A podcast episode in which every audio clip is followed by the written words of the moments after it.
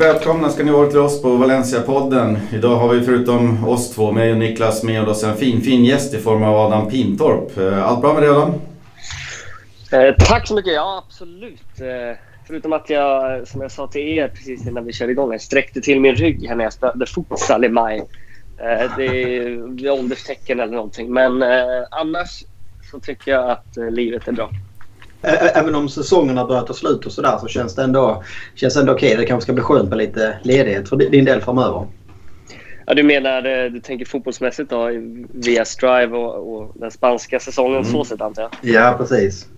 Ja, både, både och måste jag säga. Eh, jag hade den diskussionen med Marcelo Fernandes som, som, som vi har tagit in som expert på Just det. på Strive. Och uh, det känns som att uh, när vi precis har börjat få, få, få upp farten och, och, kommentera en större mängd matcher och dessutom då att, att han har kommit in och Vicky har kommit in då på, på Serie A-delen och uh, när vi äntligen fått upp farten då är säsongen över. Plus att det, det blev, tycker jag, lite antiklimax. Nu var det ju ur ett Valencia-perspektiv eh, jäkligt spännande hela vägen in på målsnöret. Men det blev ändå ja. lite Eh, märklig säsong måste jag säga och inte lika spännande som, som det kanske vanligtvis blir eh, i alla regioner förutom då kanske just Europaplatserna. Så att, eh, jag vet inte. Jag, Nej, jag håller med. varit så sugen på nästa säsong som jag är nu. Sen ska det ju bli skönt eftersom att det är sommar men eh, jag, är redan, jag ser fram redan emot eh, nästa säsong faktiskt. Det ska bli jäkligt kul. Det är kanske för dig och mig Niklas. Vi har ju eldat på hela vägen sedan i augusti här nu varje vecka så vi kanske behöver ett litet eh, sommarlov.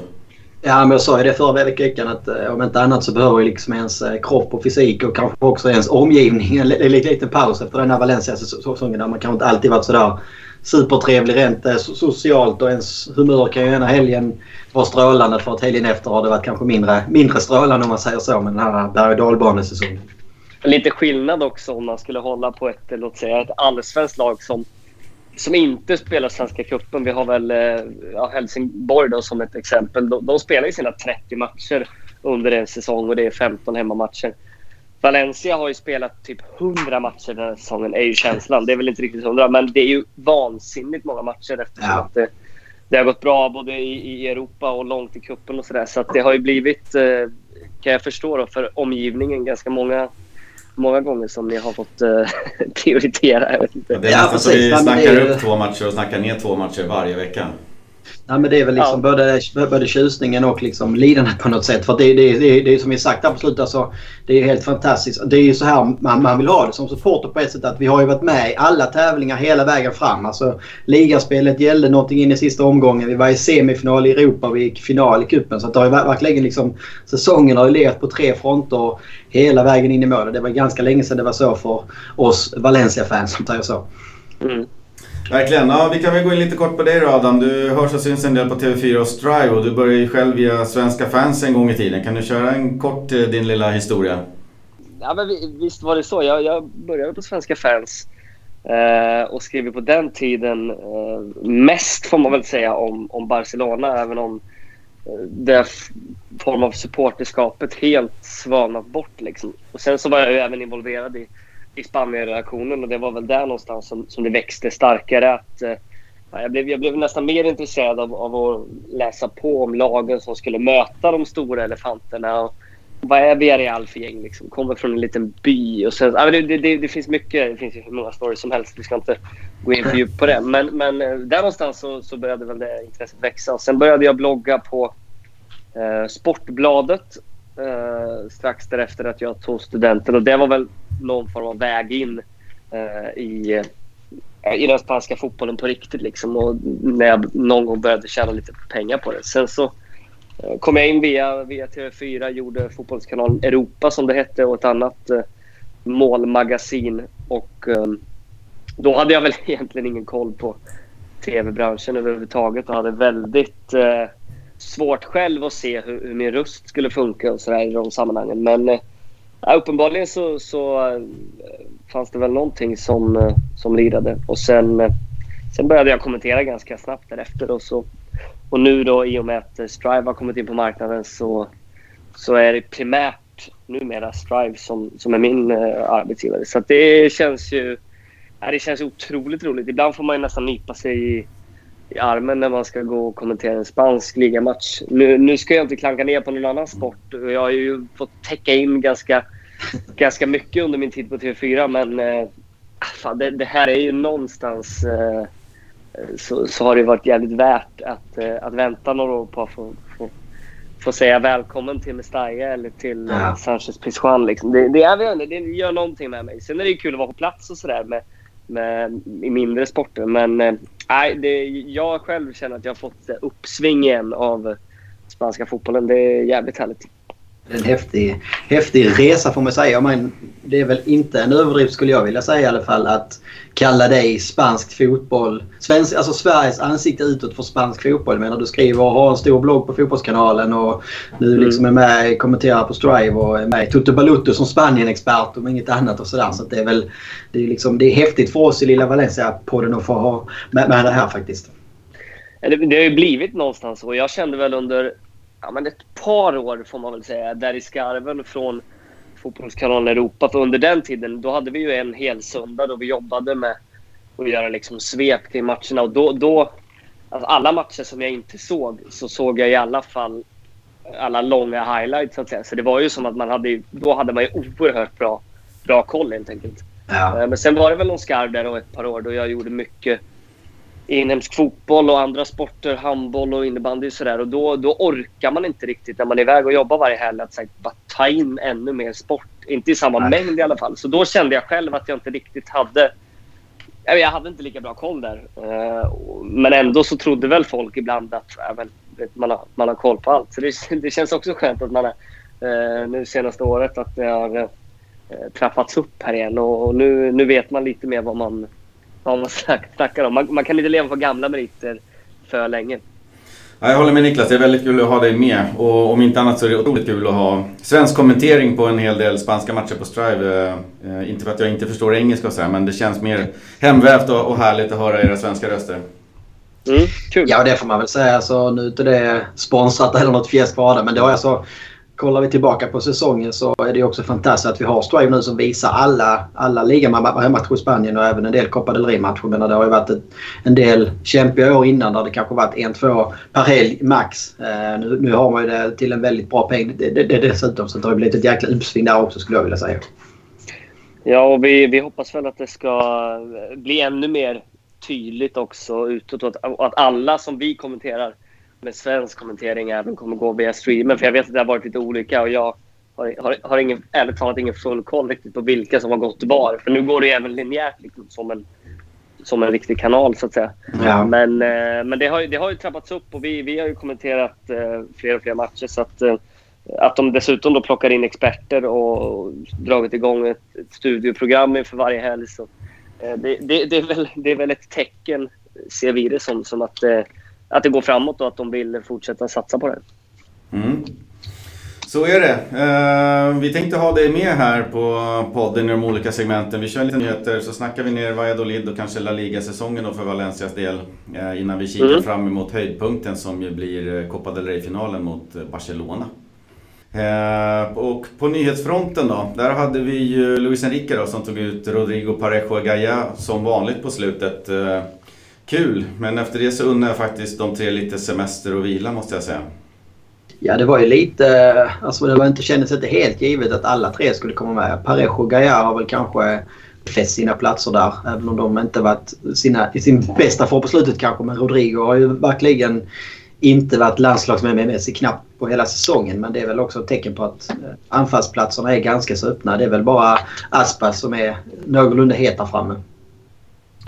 Ja, jag håller med. Det, det, alltså, nu ska i och för sig Spanien möta, möta Sverige och det blir väl svårt att kalla det EM-gruppfinal, men åt det hållet i alla fall. I alla fall med ja. tanke på, på, Sveriges eh, insatser under, under hela Jan Anderssons era. Så det är klart att Spanien och Luis Enrique vet ju också att den här matchen måste de vinna, för det är på hemmaplan dessutom. Mm. Eh, men det hade varit intressant att se lite andra anfallare. Eh, jag menar, det, det finns ganska många tycker jag som knacka på dörren om vi, eh, om vi har Raúl de Tomas som, eh, som på något sätt ändå gjort en otrolig säsong i ett lag som är fruktansvärt dåligt och ramlat ur. Eh, vi kanske kommer tillbaka på det, men jag, det vore väl inte helt omöjligt att se honom i en Valencia-tröja. Nej, faktiskt. Det, jag, jag har faktiskt funderat på det också. För man har ju, det har varit lite spridda spridda uttalanden och det är det väl alltid vid den här tiden. Men man har, ju, man har ju läst på del ställen att om Valencia går till Champions League, vilket man nu gjorde, så skulle man ju då lägga pengar på att ta in liksom en, en ja, man har väl sagt större anfallare och, och tog man sin större anfallare vet jag inte. Men jag tycker den profilen är väldigt bra. Så han kan ligan. Eh, målgaranti det får du inte från någon anfallare men det känns Nej. ändå som att eh, han liksom, kollar man på var han är i sin, i sin formkurva liksom, totalt sett i karriären så känns det som att han, han är på utgång. Liksom, och det kunde vara intressant att se han i, i en bra miljö. Ja, det ska väl vara Aspas som kommer med någon typ av målgaranti då? Ja, exakt. Men han har ju också gjort sin sväng både i Liverpool och även i Sevilla då, då han inte riktigt flög på samma sätt som han... Han har ju någon... Det är något helt annat när han spelar i, i Celta Vigo. Det är ja. svår, svårt, att, svårt att förklara det. Men det är ju så för vissa spelare att de de, de trivs bäst på, på hemmaplan någonstans. Uh, men en annan spelare som jag tror hade gjort det jättebra i ett Valencia eller Atletico Madrid framförallt om de fortsätter spela omställningsspel, det är ju Iñaki Williams. Men han blir väl svindyr antar jag. Ja. Uh, men Raúl de Tomas, han känns som att han fortfarande så går under radarn på något sätt. Och Real Madrid kommer nog inte behålla honom. De kommer vilja plocka in Galacticos. Så att, uh, jag vet inte, det känns som en nivå som inte inte helt omöjlig för, för honom att kunna ta plats och leverera direkt. Tror jag i alla fall. Ja, nej, det har väl varit alltså, Jag har väl försökt vara inne på det att jag tycker att det är det som ska vara Valencias lite värvningsstrategi också. Försöka hitta de här guldkornen i Spanien på något sätt. Alltså precis som man, mm. man gjorde när man var framgångsrik innan. När man hittade David Villa som gjorde det bra i en mindre klubb och sen liksom flög han i Valencia. Sen är det klart, alla kommer inte vara en David Villa men eh, istället för att försöka hämta då lite större namn, framförallt på anfallsfronten, så har vi ganska många namn de senaste åren som har varit värvade som bomber men som har liksom floppat helt. Då är det ju billigare och, lite mindre risk och lite mindre då krav och förväntningar från början på, på den här typen av värvningar känns det som. Ja, vi får hålla ögonen. Det blir två spännande matcher mot Malta och sen mot Sverige så får vi hoppas att lite Valencia-spelare får eh, vara med och möta Sverige på planen också, inte bara på bänken. Ja. Eh, vi kikar vidare på Arsenal då och Unai Emery som eh, enligt Plaza Deportiva ska ha visat lite intresse för Neto. Eh, man ska ha sonderat terrängen runt spelaren för att höra om han är öppen för en flytt. Neto övertygar väl kanske inte direkt mot just Arsenal i Europa League, men Check slutar ju där. Och, eh, denna säsong och Arsenal kan väl mycket väl ha ett genuint intresse kring Valencias nummer 13. Eh, samtidigt så surrades det om Sillisen kan vara aktuell för Valencia om Neto rör på sig. Så att, vi får se om han blir kvar eller inte. Jag hoppas ju innerligen att han blir det. Känns som rätt nivå för honom också. Ja, det känns ju ganska stabilt. Alltså det är klart, kan man få in en Sillesen så är det väl en väldigt bra ersättare om man säger så. Men det känns ju ganska skönt med Valencia att man i netto på något sätt har hittat den här stabila sista utposten. Eh, som man kanske då också många år famlade i mörkret efter. Man hade liksom det är väl egentligen inte sen Canizares tid skulle jag vilja säga som man haft en riktigt stabil målvakt där bak. Och det smittar väl också av sig på, på försvaret på, på något sätt. Och det, ska man börja om där så ja, jag, jag ser väl gärna att Netto fortsätter också faktiskt. Ja, han har varit uh, otroligt. Snabb anekdot bara när jag, som jag kom på nu när apropå gamla Valencia-målvakter. Det var ju när jag sprang in i Vicente Guaita packad utanför Mestalla en gång. Eh, det var alltså i samband med, med cupfinalen kan det ha varit 2014 spelades på Mestalla? Det var Real Madrid mot Barcelona när Bale sprang runt eh, Bartra och petade, petade in mellan benen på, på Pinto som stod i Barcas mål. Då, då var Guaita kvar i Valencia. Han hade ju varit sjukt bra.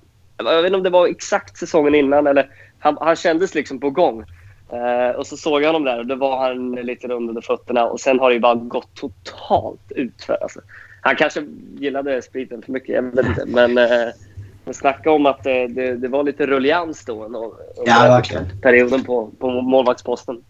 Ja, det var väl många som ville så gärna tro på honom. Alltså, han var ju lite så Valencia-sonen och skulle få fram och han fick massa chanser och gjorde det bra i början. Men sen kanske det blev för mycket liksom press också på att han skulle vara liksom den där nye Canizares på något sätt. Och han kunde inte riktigt hantera det. Och nu harvar han väl i... Han, är väl, eh, han har väl nästan tagit över första spaden i Crystal Palace i år. Så att han har ja, okay. fått lite uppsving här på slutet i alla fall. Ja, det är kul att han får spela i alla fall så han kanske släppt spriten där då. Eh, B-laget i Valencia, Mestalla klarade sig kvar efter 1-1 i sista matchen. Eh, väldigt skönt men lite krampaktigt, krampaktigt och det känns väl som att man bör väl se över lite grann kring eh, tränarposten. Jag vet inte om han Chema Sans eh, håller för, eh, för att kriga om en uppgång till Segundan. Eh, det kändes väl mer som att Eh, vad heter han? Curo Torres när han försvann och så tog vi in den där gamla Valencia-spelaren som jag glömt namnet på också som var där kort tid. Eh, innan han fick något uppdrag i Bulgarien va? Just det. Nej, det känns som det mest varit en jäkla röra kring hela med, med Steye hela säsongen på något sätt. Så det var väl mer man klarar sig kvar. Det var skönt nu liksom bara att göra någon omrenovering och försöka göra samma resa som man gjort i A-laget. Kanske man också behöver ner och rensa i, i, i Steye-laget för att få lite ordning och reda där också. Det finns ju oerhört mycket talang och unga spelare där och, och, den typen av spelare mår ju väldigt bra av att ha en otroligt fin tränare med, med, som kan utveckla dem och så vidare. Inte mer av en caretaker som jag tycker det känns som att den här Shema Sans har varit. Ja, men det blev väl så också när man liksom insåg att men du har ett uppdrag. Det är bara att gå in och rädda den här säsongen och sen efter säsongen så får vi liksom göra en utvärdering om vem, vem som ska vara tränare framåt och utveckla laget. För jag håller med, jag tror inte han heller är den, den tränartypen. Nej, så är det. Sen kommer vi väl in på det som du var inne på Adam. Valencia tangerar sitt rekord för antal spelade matcher på en säsong. Eh, denna säsongen kommer det bli 62 spelare, precis som 99-00. Och det är 38 i ligan, 6 i Champions League, 8 i Europa League och eh, efter den här helgen så är det 9 i Copa del Rey. Det är inte illa. det, det, det, det är många, många fighter. Vem, eh, vem har gjort flest matcher? Det måste vara Parejo. Ja. Jag tror Gaia är ganska hack i häl också, men Parejo har spelat... Lato ja, har inte fått spela en minut knappt. Nej. Nej, 5000 minuter ungefär eh, kommer Parejo ha spelat när det här är över, inklusive landslaget då.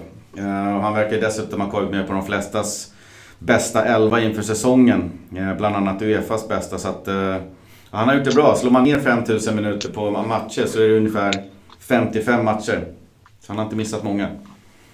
Nej, vi hade ju det är någon annan podd. Alltså historiskt sett så har han inte gjort det heller. Det var väl första gången i år som det var någon match som han stod över. Eh, annars har det aldrig varit liksom så. Han har knappt varit skadad någon gång. Han har haft en del av, avstängningar. Det är ju rätt så klassiskt honom att han tar de här eh, tappar humöret-varningarna. Det är ju sällan han tar liksom någon varning för någon, någon, något fälleben eller någonting. Eh, Radetinavarningen kallas det. Ja, precis. Ja, han hade en mystisk skada i början när han var som sämst och så hux flux så vart han listad som skadad. Eh, ja. Då gick det inget bra. Sen var ni hel direkt eh, tre dagar efter och skulle spela igen. Så jag vet inte vad det var. Men det är väl den enda skadan. Sen någon avstängning och en vila va? Men det är väl också det kanske. Alltså, vi har ju pratat om honom en hel del i den här podden. Han är ett återkommande ämne. Eh, men ja, det, det, man kan säga till att börja med är att han har verkligen höjt sin lägstanivå tycker jag. Eller i alla fall har de här bottennappen blivit färre i år. Blivit betydligt jämnare och visat sin, sin högsta nivå oftare. Men det kanske också hänger lite ihop med det här massiva speltiden. Liksom att det är klart att ju mer du spelar någon gång så har du en sämre dag och någon gång så är du inte 100% i, i skallen eller kroppen och, och, och då, då, märks det kanske tydligare också en Danny Parejo som är så pass inblandad i spelet hela tiden på något sätt. Ja, han har gjort det riktigt bra. Eh, medelbetyget för hans insatser har i alla fall gått upp. Jag håller med dig. Ja, nej, det tycker jag. Sen kan vi nämna just idag då, 20 maj. Firar fina härliga Mestalla, 96 år. Det är bara fyra år kvar till Big 100. Ja, får se om det överlever så länge men det, det ser det väl ut att göra. Ja, det vore någon typ av antiklimax om man river när det är 99 år eller någonting. Faktiskt. Nej, jag tänkte att vi rundar av nyhetspaketet med tre sköna icke-nyheter som det heter. Uh, Alemani svarar på frågor om Rodrigos framtid i Valencia. Man undrade om han ska vara kvar då. då. Uh, Alemanis svar var egentligen att han är viktig för klubben och fönstret är än så länge stängt vad han vet. Uh, Däremot så kan man väl kanske läsa in i Valencians media har ju börjat sondera eller fråga lite grann om det är Rodrigo. De har väl siktat in sig på att det är han som kanske ska säljas då och det har vi varit inne på i den här podden också. Men Alemani hade ingenting att säga om saken. Sen är Batman eh, är med i Marcas omröstning om vilka spelare som varit största besvikelserna i år. Han eh, fick en plats bland sju andra på listan över anfallare och eh, vi är ju besvikna på honom så att jag kanske lägger min röst på Batshuayi då. Ja, det Fan, jag, bara, ja, det, det, var, det var alltså den här hösten. Jag, jag har glömt av honom. Så jävla svar. Och det är ju 100 procent. Mm. Ja, jag såg också här, det cirkulerar ju... Inget eh, avtryck. Det cirkulerar, jag ska se om jag kan snabbt få upp det. cirkulerar en tabell så här. Eh, Valencia innan. Det, det blev ju också mm. assistans tror inte jag. Alltså, jag tror säkert att det betyder en hel del med hans eh, humör och hela hans approach kanske. Men eh, jag tror att Valencia då med Batman Då tog man på 18 omgångar eh, 22 poäng och utan honom i laget tog man 39 poäng på 20 omgångar. Så att det är ju mässigt så det är liksom svårt att säga att han hade särskilt bra in, påverkan eller in, inverkan på något sätt. Men sen är det också jäkligt konstigt om en spelare ska göra så, så pass stor skillnad på något vis. Ja, men det är klart att han kan ju inte eh, på något sätt beskyllas för, för, för hela den usla vår, Nej, alltså, nej. formen. Men, men någonting som man ändå kan eh, men understryka tycker jag, det är väl ändå alltså, scoutingarbetet inför säsongen. För att mm, framförallt tycker jag när han, både när han spelade tillsammans med Gamero och även med Rodriguez. Det, det var för många som jobbade lite för likadant. Och han, det kändes som att han borrade ner huvudet och, och ville göra saker och ting på egen hand. Men det funkade ju inte riktigt. Inte alls som, eh, som eh, italienare var säsongen innan som, ändå, som jag kanske trodde skulle vara lite den typen då, Simone Sassa. Mm. Men eh, Ja. tycker jag verkligen visade sig vara en lagspelare som, som slet på, på ett sätt som, eh, som det krävs. Framförallt om man spelar Marcelinos fotboll. Batshuayi, nej det, det blev... eh, Alltså, framförallt när han och Gamero spelade. Det var ju total hönsgård alltså.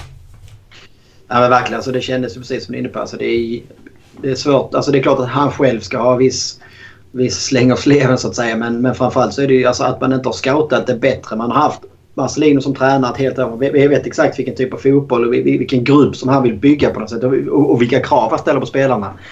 Batman kändes ju alltså, som raka motsatsen till allt det på något vis. Och, och så blev det också. Mm. Men eh, ja, ibland så kanske man behöver... Det var ju också... Alltså, han, han blev ju klar väldigt sent så det var kanske också att man... Man hade snackat så mycket om att man, man skulle få in någon Champions League-anfallare som man sa. Eh, och då var det liksom... Eh, sista dagarna var det inte må- många kvar så då, då, då blev det en chansning igen. Batman som ändå hade gjort det bra våren där innan i Dortmund. Där han ju öst i mål. Så att, eh, man hade ju viss förhoppning om att han, han liksom skulle kunna glimra till men det var inte många gånger det hände. Nej, han har fint sällskap på Marcas omröstning av Gerard Moreno, Diego Costa, Bale, Asensio, Loren, Mariano och Sandro Ramirez. Det är de man får rösta på. Bland anfallarna. Mm. Ja. Det är väl ingen som har övertygat och Bale eh, häromsistens med diverse tveksamma kommentarer om eh, vad han ska göra om han inte får spela. Han ska väl golfa för 17 miljoner euro sa han. Ja, just det. Ja, det var ju, det var inte helt hundra bekräftat. Han Nej. sa det ju inte till någon, till någon journalist någon mixad, mixad zon. Men eh, nu har det kommit ut i stort sett alla medier att han ska ha sagt det eh, i omklädningsrummet i paus då, eh, när Real Madrid mötte, mötte Betis. Och det, det, oavsett om man, är sagt, om han har sagt det eller inte så bara man ser själva uppenbarelsen Bale och hur han sitter och flinar precis efter Betis upp 2-0 och mer eller mindre spelat ut Real Madrid. Så äh, det, det är ju ingenting som supporterna gillar såklart. Så att, eh, det, det, det, oavsett vad han har sagt eller inte så han gör ju sig mindre och mindre populär eh, för varje dag. Det är ju den genuina känslan i alla fall. Han måste hitta något nytt ställe där han trivs på. Ja, det känns som bäst för alla parter där. Alltså, han ver- verkar inte trivas där och Zidane, om han nu blir kvar, och verkar liksom inte heller vilja spela honom. Så det känns lite onödigt att ha en så pass dyr spelare som bara ska, liksom ska sitta av tiden på något vis. Nej, sen hade vi den sista icke-nyheten egentligen som jag snackat så mycket om. Sevilla Sarabia har enligt media varit på Valencias radar. Nu kommer det upp rapporter om att Monchi där istället intensifierat arbet med, arbetet med att förnya hans kontrakt. Så vi får se hur det blir där. 12 baljor blev det väl i år och 13 assist. Så att det är en klart duglig anfallare. Ja, eller offensiv mittfältare Ja, offensiv kanske. mittfältare. Mm. K- kanske mer liksom. Det hade ju varit en... Jag ser dock inte riktigt vart han ska spela kanske i, i, i Valencia. Men det hade ju varit en sån värvning som jag tror... Som Niklas var inne på. Att man plockar guldkornen kanske från, från den inhemska ligan. Spelare som redan känner till och har presterat gjort över tid eh, i den spanska fotbollen. Däremot så tror jag att han blir lite för dyr. Det beror väl lite på hur mycket pengar de kan lägga på på en enskild eh, spelare. Men eh, jag menar, han har väl kanske varit bäst i Sevilla den här säsongen. Så jag, tror att, jag tror att fler är intresserade än bara Valencia och kanske ännu större Mm. utländska klubbar också. Så det, det lär nog bli huggsexa om, om han inte vill vara kvar. Ja, nej, jag håller med. Alltså det är också svårt att placera honom i ett 4-4-2 i Valencia på något sätt. Men det, det, det som hade varit häftigast med en sån värvning Det är ju liksom hela symboliken att Valencia kan gå in och plocka Sevillas bästa spelare. Det känns Exakt. ju ändå som att eh, Sevilla själva vill väl ändå sätta sig på samma nivå som Valencia. Och de senaste säsongerna så har man liksom krigat sida vid sida på något sätt. Skulle Valencia gå in och knäppa dem liksom på deras, deras då, lysande stjärnor på något vis så skulle det verkligen skicka signaler i fotbollsspanien på något sätt. Men det är väl också därför som Monchi nu liksom vill se till att stoppa det här. För han förstår ju att det är inte bara en spelare man tappar utan det är liksom nästan sitt ansikte på något sätt. Ja men verkligen. Absolut. Vi får se, den soppan lär ju fortsätta hela vägen in i transferfönstret. Och eh, med det rundar vi väl av nyheterna och börjar kika på de matcher, eller den matchen som har varit mot Valladolid.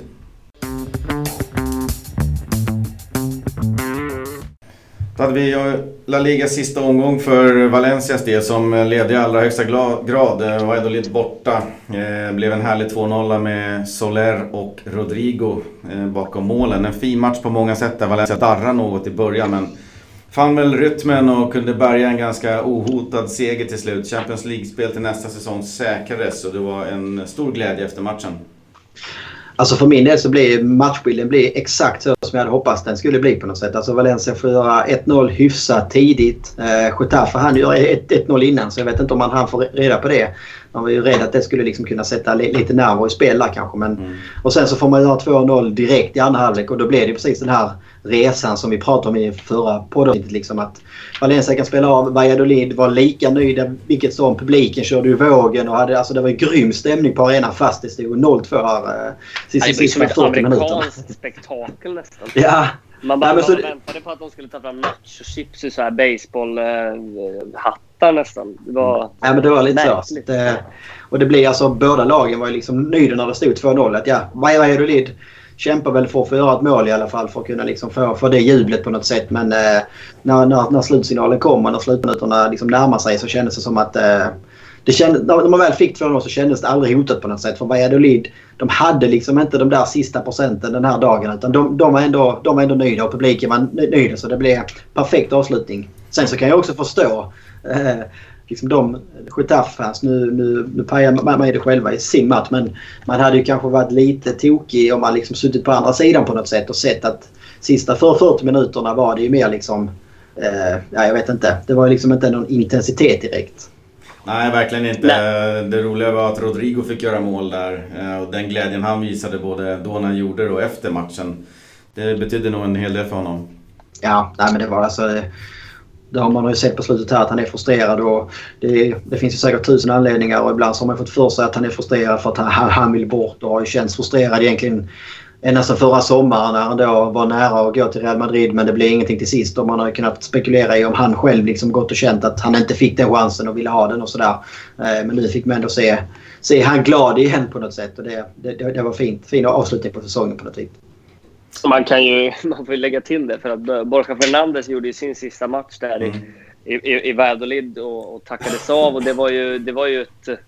Det var en fin, eh, fin scen på något sätt. Men det är klart, hade Valladolid krigat för sin existens hade väl inte det tagit... Alltså det tog typ två minuter. Ja, ja. Och, och, jag menar, det var, det var, det var inte så att Valencia grät några floder Nej. över att oj, nu ska de tacka av en spelare. Det tar två minuter. Det var, man såg Parejo någon gång. Han, han blinkade på något. Bollen. Det här, det här är kanon. Så han gick och tog ja. till kram. Och, det, och alla var ju oerhört nöjda. Så jag, jag förstår ju vad, vad, vad, du menar Niklas. Det här med...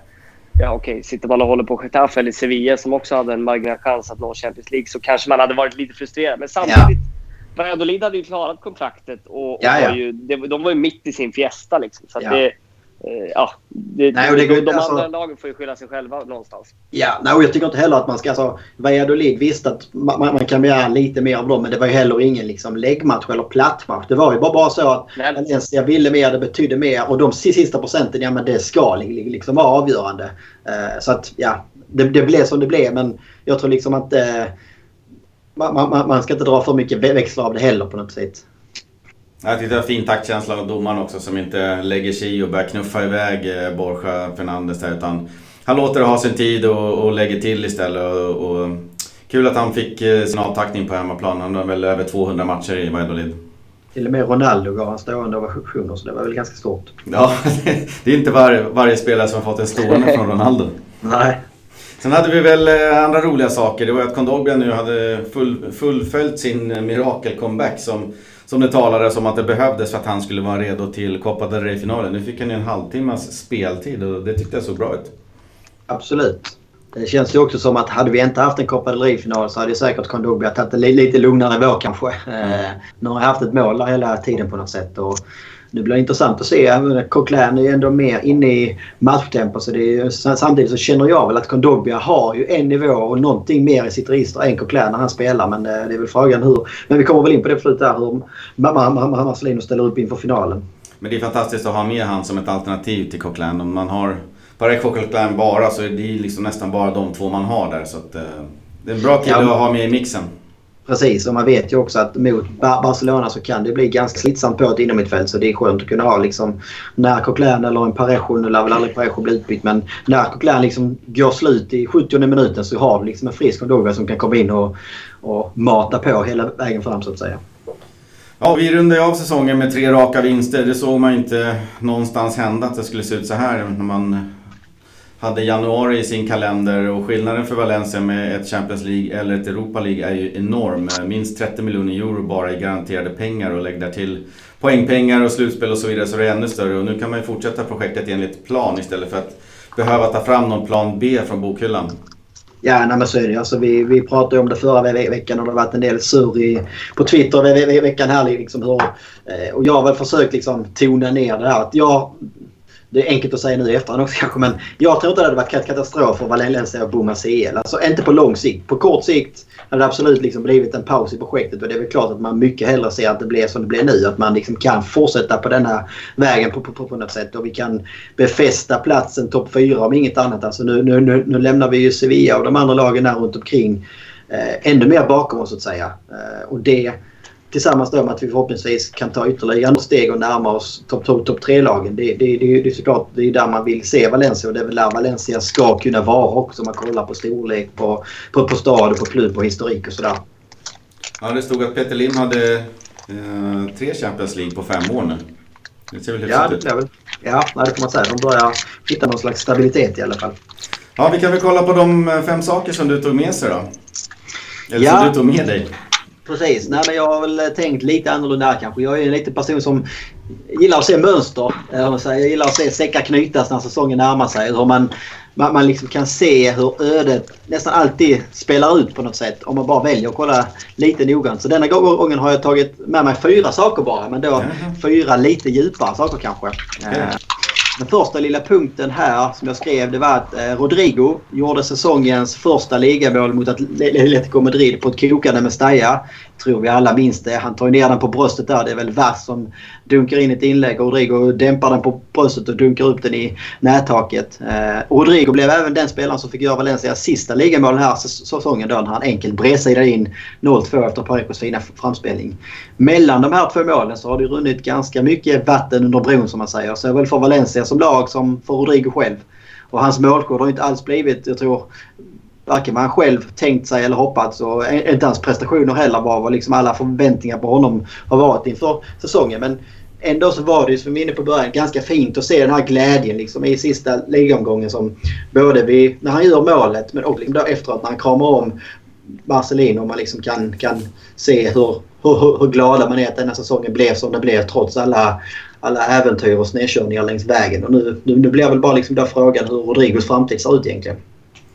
Ja, verkligen. Valencia går väl i tankarna och behöver väl sälja kanske en spelare av någon typ av dignitet. Eh, ponera då att man får in lite slantar från Maximovic och frågan är ju om inte Rodrigo kanske ligger närmast just nu och blir såld. Jag vet inte vem det var av er som, eh, eller om det var någon av er, men jag såg i alla fall någon omröstning där på, på Twitter vilken spelare som, som ni supportrar inte vill ska lämna och då var ju Kondogbia ganska överlägsen Ja, just det. I, i, då i, eh, paritet med exempelvis Rodrigo. Även Neto Garay var med på, på den omröstningen. Jag tror att det var över 50% på Condor Så att eh, få supportrarna välja. Nu vet inte jag exakt hur många det var, men det var väl några tusen kanske.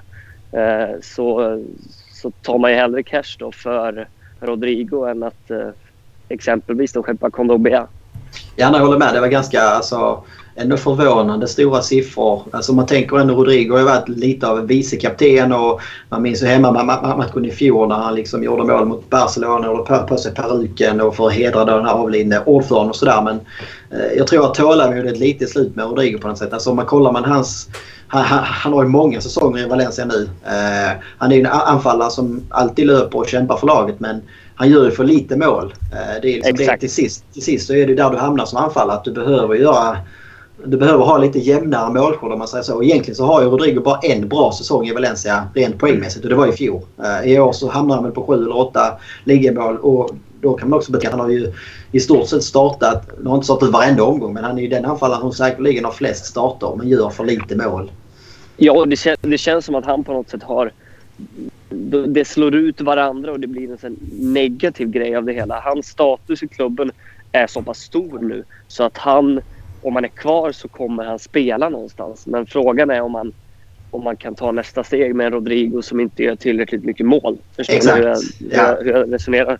Så att på, på, ett sätt så är det lite deppigt att, ja. att man, man, man är tvungen att sälja en spelare som man kanske vill ska fortsätta vara kvar i fyra år till och lyckas och bli en av de stora och komma, komma sig ihåg på ett närmast ikoniskt vis. Men eh, ja, då, då måste man ju leverera över tid på ett på ett annat sätt.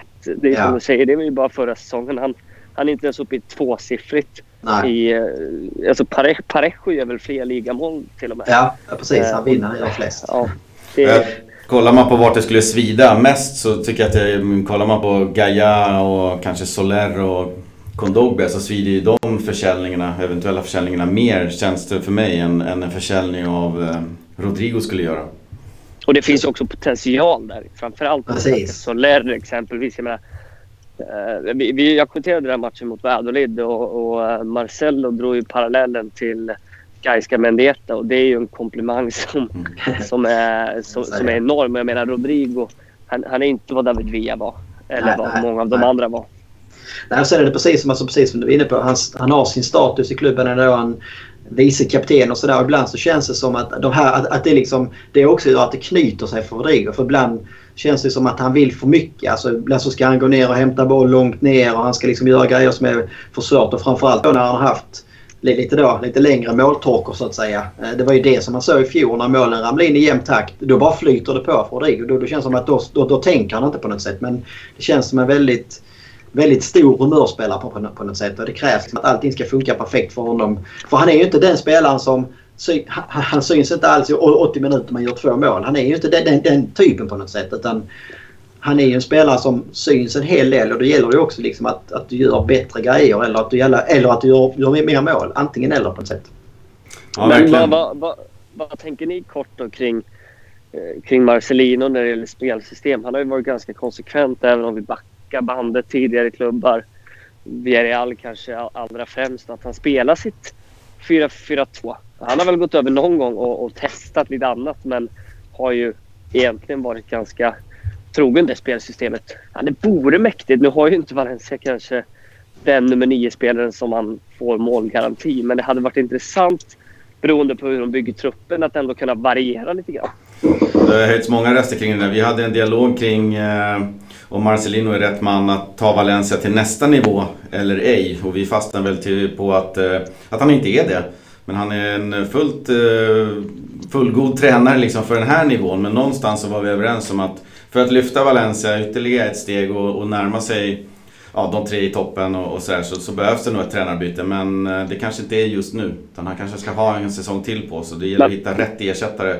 Eh, och där har det också höjts mycket röster om att man vill spela in kanske en, eh, en annan spelformation än 4-4-2 där, där Marcelino är väldigt fast på 4-4-2. Mm. Alltså det känns som Marcelinos största problem är ju just att han inte har någon plan B. Liksom. Alltså, det, det kan inte att man ska växla olika formationer från match till match alltid. Men i en match så borde man ju liksom kunna göra någonting för att förändra på något sätt. För det är ju ett 4-4-2 i sig är ju relativt lättläst. Alltså du kan inte skruva på det supermycket då kan det vara bra. Nej, men då växlar du snabbt över till ett 4-2-3-1 eller ett 4-3-3 och så kan du liksom hitta lite grejer i det. Men eh, det känns som att man, för, med Marcelino så är det antingen eller. för att defensiven har funkat väldigt bra i detta 4-4-2 men det har gått ut över offensiven där vi liksom gjort väldigt lite mål framåt. Eh, mot Arsenal så försökte han skruva på det här med någon slags 3-5-2 uppställning och det slutade med att offensiven kom igång hyfsat men defensiven fallerade helt. Så det känns som han har väldigt svårt att hitta balansen där han liksom kan ha en stabil eh, eh, defensiv samtidigt som det inte går ut allt för mycket offensivt på något sätt. Och det är väl det är ju det steget som Valencia behöver ta nu på något sätt för att liksom, eh, utvecklas spelmässigt. Och lite grann med Carlos Soler där också. Det är många som känner att man kanske vaskar hans talang lite grann ute på en kant. För han är ju för bra för att sitta på bänken. Men, men man vill ju samtidigt inte lira centralt. Och finns det nu plats någonstans centralt för, för en Soler i Marcelinos spelstil, det, det, gör det nog inte. Eh, och kanske ännu på längre sikt om den här Kangin Lee ska få plats någonstans så kanske inte det heller är på en kant där han har fått hoppa in. Så att, eh, ja, det finns begränsningar i Marcelino, det tycker jag. Ja, men det, det var lite det jag skulle komma till. Att eh, det finns så pass många intressanta som kan fylla på underifrån. Även tycker jag med Ferran Torres att man ser ändå vissa drag. Att fan, den här killen har, han har en touch som emellanåt är fantastiskt bra. Uh, och skulle man spela med ett 4-2-3-1 så skulle man ju kunna ha Soler i den centrala positionen. För han kommer aldrig peta Gonzalo Guedes även om han kanske bättre till vänster. Jag vet att han har spelat U21 en del. Ja, och tidigare i ungdomslagen också till vänster. Men han kommer aldrig spela där så länge portugisen lirar i Valencia. Men uh, han skulle absolut kunna spela i en central roll, komma närmare mål på det sättet. Det, det hade varit lite intressant men då måste man ju ha ja, framförallt någon nia då som helst gör mål. Ja. ja vi kan väl kika på punkt nummer två då. Punkt nummer två är väl lite grann för att återknyta den här, knyta säcken så att säga. Valencia tog emot Valladolid den 12 januari hemma på Mestalla. Det var ju omstarten efter nyårsuppehållet. Och det var sista omgången på, på första halvan av serien så att säga. Senaste hemmamatchen innan dess var då när man avgjorde mot Huesca i 93 minuten genom ett galet mål av Piccini. Och man firade ju som om man hade vunnit ligaguld. Och då trodde ju alla liksom att men det här var vändningen. Liksom. Piccini gör mål, det kommer ett övertidsmål. Vi, vi liksom bryter den här 1-1 förbannelsen. Men ödet ville annorlunda. Eh, det började bra med Valid. Parejo klev fram och gjorde mål. Eh, Valencia radade upp målchanser. Santimina brände en på mållinjen bland annat. Och sen så lämnade Parejo då över straffet till Rodrigo när man då skulle rulla in 2-0 och liksom bara spela hem den här matchen. Men Rodrigo med en lam straff missar. Eh, och i slutminuterna gör Valladolid 1-1 på en fantastisk frispark. Men det är det enda avslutet som man har mot mål. Eh, och då var ju bara tanken så här nu, det här är botten. Liksom. Det går inte att komma längre ner nu. Man var fyra poäng från nedflyttningsplats och något prat om liksom Champions League. Det fanns inte på kartan. Jag tror det var 10-12 poäng upp. Eh, och Marcelino där och då har nu aldrig varit närmare att få sparken från Valencia.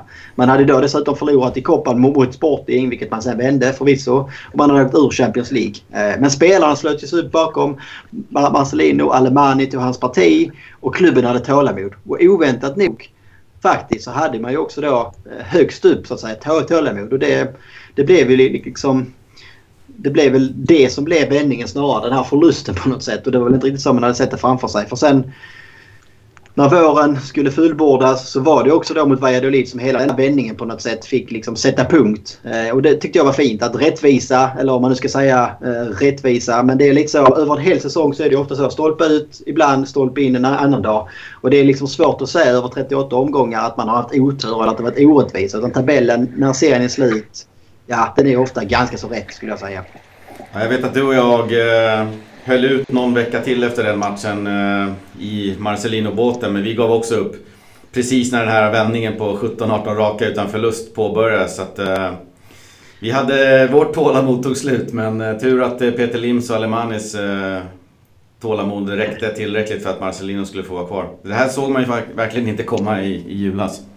Nej, alltså vi var inne på det att det känns som liksom, alltså, ibland när du hamnar för långt ner i skiten, oavsett om det liksom är Marcelinos fel eller inte. För det, det var väl liksom, jag vet inte riktigt hur långt vi hade kommit där men ibland så behövs det ju bara en ny röst och no, no, någonting nytt för att vända saker och ting. Det var väl mer det vi var inne på snarare än...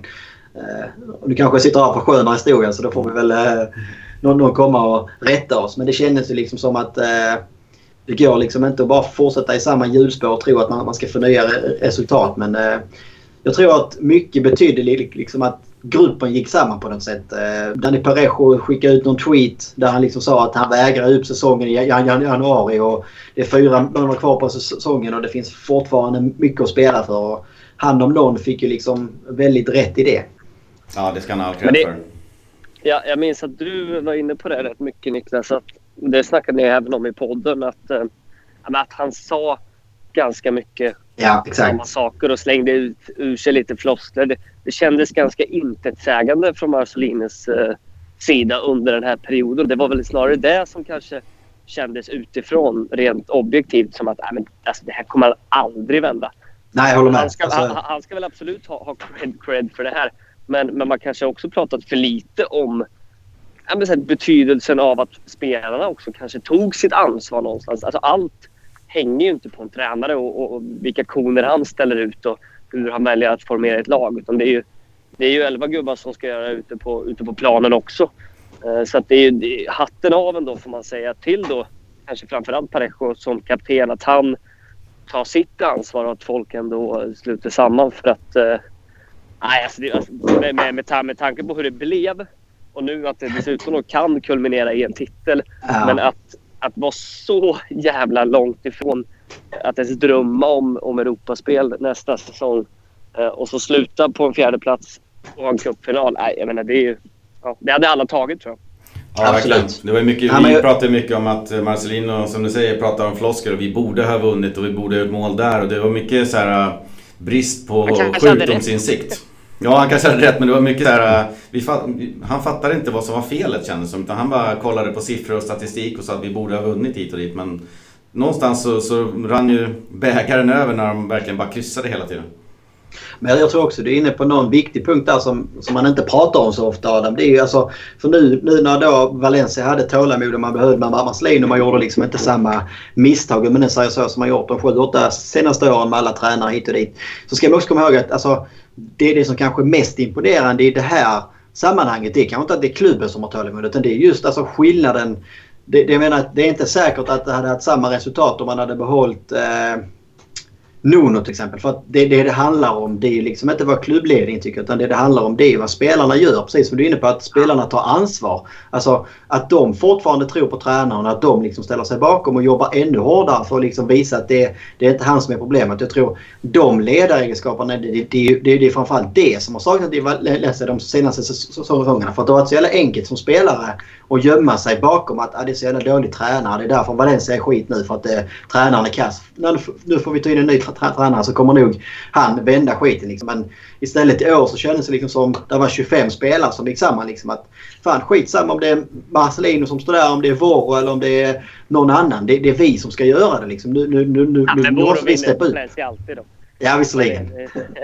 Ja, man kanske underskattat Parejos eh, ledaregenskaper inne i ett omklädningsrum som man inte ser och hör så mycket hur han sluter truppen. Man pratar ju ofta om att han ser lite ledsen ut och lite loj ut på plan. Att han ser inte ut som någon krigare eller någon kondogbe liksom. Men han kanske har andra egenskaper som, som gör att eh, gruppen slöt ihop där i vintras.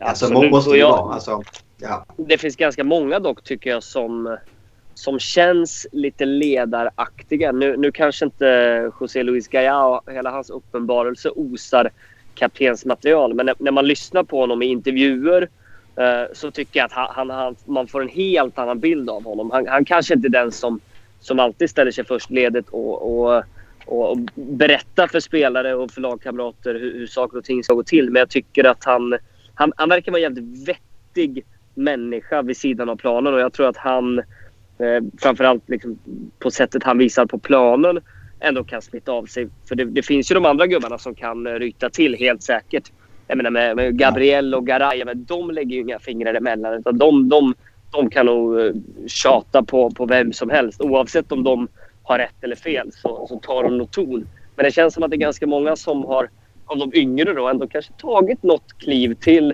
eh, när det gäller att omfamna hela kan man säga, kulturen då på något sätt. För att eh, det är ju de som ska ta det framåt.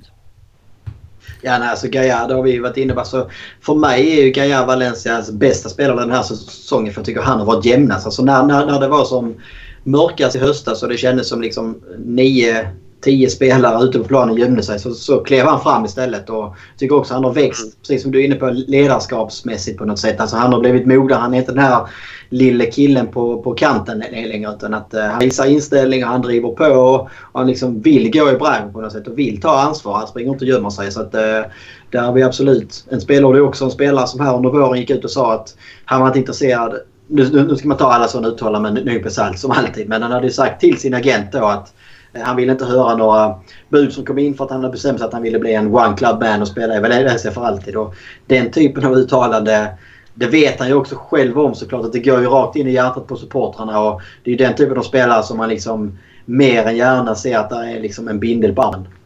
Ja, det kommer ja, väl fram till i december. Ja, jag tror det med. Nej, jag sa man, man smälter ju. Fan vad man gillar att höra sånt där. Det är, eh, men det känns som att det, det, det är populärt att prata om sådana ja. spelare och sådana uttalanden. Men det är ju också för att det sker så pass sällan. Eh, och jag menar just nu så känns ju steget, alltså översta hyllan känns nästan tunnare än, än någonsin. Jag menar tidigare så var det ändå 10, 12, kanske ännu fler lag som kändes tillräckligt stora. Därifrån kanske man inte går. Det är någon enstaka spelare. Nu känns det som att nej, alltså Real Madrid kommer ju mer eller mindre peka i sommar. Ja. Och så kommer Eden Hazard komma. Det kanske kommer en Kylian Mbappé. Trots att de spelar i klubbar där de får lika mycket pengar. Liksom. Mm. Ja precis. Nej, men det är väl alltså det, det, det man kan hoppas på med Gaia. vi har haft med en eh, journalist från Valencia också som väl har lite så här kopplingar till Gaia. Eller i alla fall i hans umgängeskrets. Och han säger ju precis som du att han är liksom oerhört fin person och kille liksom utanför planen och har liksom hela familjen och ett jäkla fint umgänge i Valencia som han uppskattar väldigt högt. Mm. och det, det, här var ju förra säsongen som han pratade om det liksom att han upplevde inte att Gaia... En del spelare kan man liksom känna att men, han här är sugen på att göra något äventyr. Han vill gå till en annan liga eller han vill liksom vinna titlar i Barcelona eller hit och dit. Men han upplevde liksom att nej, men Gaia han uppskattar andra saker i livet. Han uppskattar liksom att ha sin familj och sina vänner nära här och kunna liksom göra allt han kan för Valencia Så det är väl därför som man då hoppas att, att, att hans uttalanden så att säga, ska vara lite mer e-, äkta än, än de kan vara annars kanske.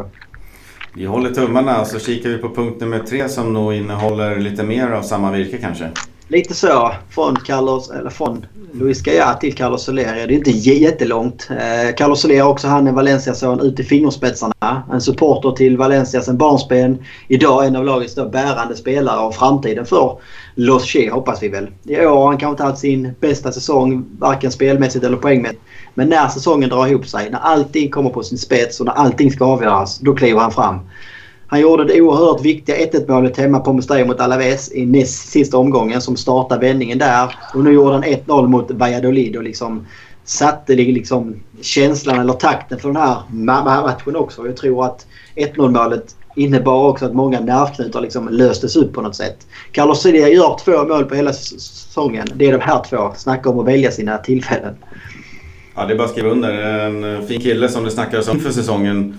Inte minst från Marcelino att han hade tagit flera, flera steg både i det fysiska spelet och det defensiva spelet. Så tyvärr så har han väl inte riktigt fått utväxling för det. Eh, vi får hoppas att han fick en mellansäsong här så lyfter han till nästa. Ja, Men jag tycker ändå, bara kort flika in där, att han ändå defensivt så tycker jag att han har ganska många bra egenskaper om vi bara mm. jämför med hur det har sett ut hela den här eh, vårsäsongen. Så jag menar, Alltså Daniel Wass är ju egentligen ingen högerback. Eh, som, han är inte alls lika slipad defensivt som Gaia är. Eh, så han får ta ett större ansvar mm. på sin kant någonstans än vad den som spelar ute till vänster, om det har varit Cheryshev eller ja, Gedes då, eh, tar i och med att Gaia finns där. Så det är kanske också någonting att ha med sig och kanske en av anledningarna om man nu tycker att han har färdigheterna defensivt, att han spelar honom till höger för att Precis. Balansera ut för lite. Ja, men exakt. Gonzalo Guedes kanske inte hade funkat på samma sätt på en högerkant. Men säg då som förra säsongen en Andreas Pereira eller någon annan av mer offensiv karaktär. Kanske han ändå inte hade valt att spela ute på en sån kant utan han väljer ett lite mer tryggt alternativ då. Ja, sen tror jag också alltså, en liten till att inte poängen eller liksom målen, assisten framåt, det är väl också så Carlos Soler är ju ingen Gonzalo Guedes i offensiven som gör mycket på egen hand och som eh, gör de här typen av mål eller assist som, som Gonzalo Guedes ska göra. Utan Soler är ju lite mer beroende också av att omgivningen och att anfallarna längst fram fungerar, gör mål, tar löpningar. Liksom, att de finns där som alternativ på något sätt. Så att, eh, mm. Man ska väl inte bara liksom hänga allt. Att inte Carlos Soler har lika många assist i år som han hade i fjol. Det kan ju också bero liksom på de som väl har fått leveranserna. Det var enklare att spela in på Sasa än på Rodrigo i år. Ja, lite så. Det var enklare att spela in på Rodrigo i fjol än i år också. Ja. Sista punkten då? Punkt fyra. Eh, Dani Parejo har väl varit Valencias viktigaste spelare den här säsongen. Eh, det tror jag nog de flesta skriver under på. Viktigaste vill jag understryka, inte bästa. Men i det här sammanhanget spelar det kanske ingen större roll. Han, han stod ju bakom sin, sin tränare som vi var inne på innan när det blåste som allra snålast. Fick med sig hela laget och man gick samman och fick alla att tro på laget. Och äntligen fick vi då se lite ledaregenskaper från vår kapten. Parejo vinner också den interna skytteligan med nio mål som innermittfältare. Och Parejo har ju varit hjärtat, navet, motorn hela Valencias spel på något sätt. Och det, det är ju väldigt, väldigt tydligt att kolla på ett Valencia med Parejo och utan Parejo. Och det är ju lite för beroende har ju Valencia blivit av Dani Parejo. Men det, det, är ju inte hans fel så det, det kan vi inte lasta honom, honom för. Det, det, som också var lite intressant det var att han spelade de sista 15 omgångarna med en avstängning hängande över sig och man tog ett gult, gult kort. Och han visste ju om det här också hur viktigt han är för laget att han inte får, får, får bli avstängd. Jag tror också att han väldigt gärna ville vara nere på planen och hjälpa laget på något sätt. Och det slutade med att han gick igenom de 15 sista omgångarna utan ett gult kort. Och de som känner sin Dani Parejo vet ju att det är närmast ett under att han kan gå 15 omgångar utan ett, en varning. Ja, verkligen. Eh, höstsäsongen såg helt annorlunda ut när han eh, tog både gula och, drog på sig straffar och, och, hade sig och missade straffar och såg sådär ledsen ut som bara han kan göra. Eh, vårsäsongen har det varit helt annat. Krut i bössan tänkte jag säga, men en helt annan Parejo som verkligen har klivit fram och tagit sig in i landslaget till och med. Ja, absolut. Då så. Vi rundar av Valladolid-matchen där och så börjar vi kika fram emot en härlig Copa del Rey-final.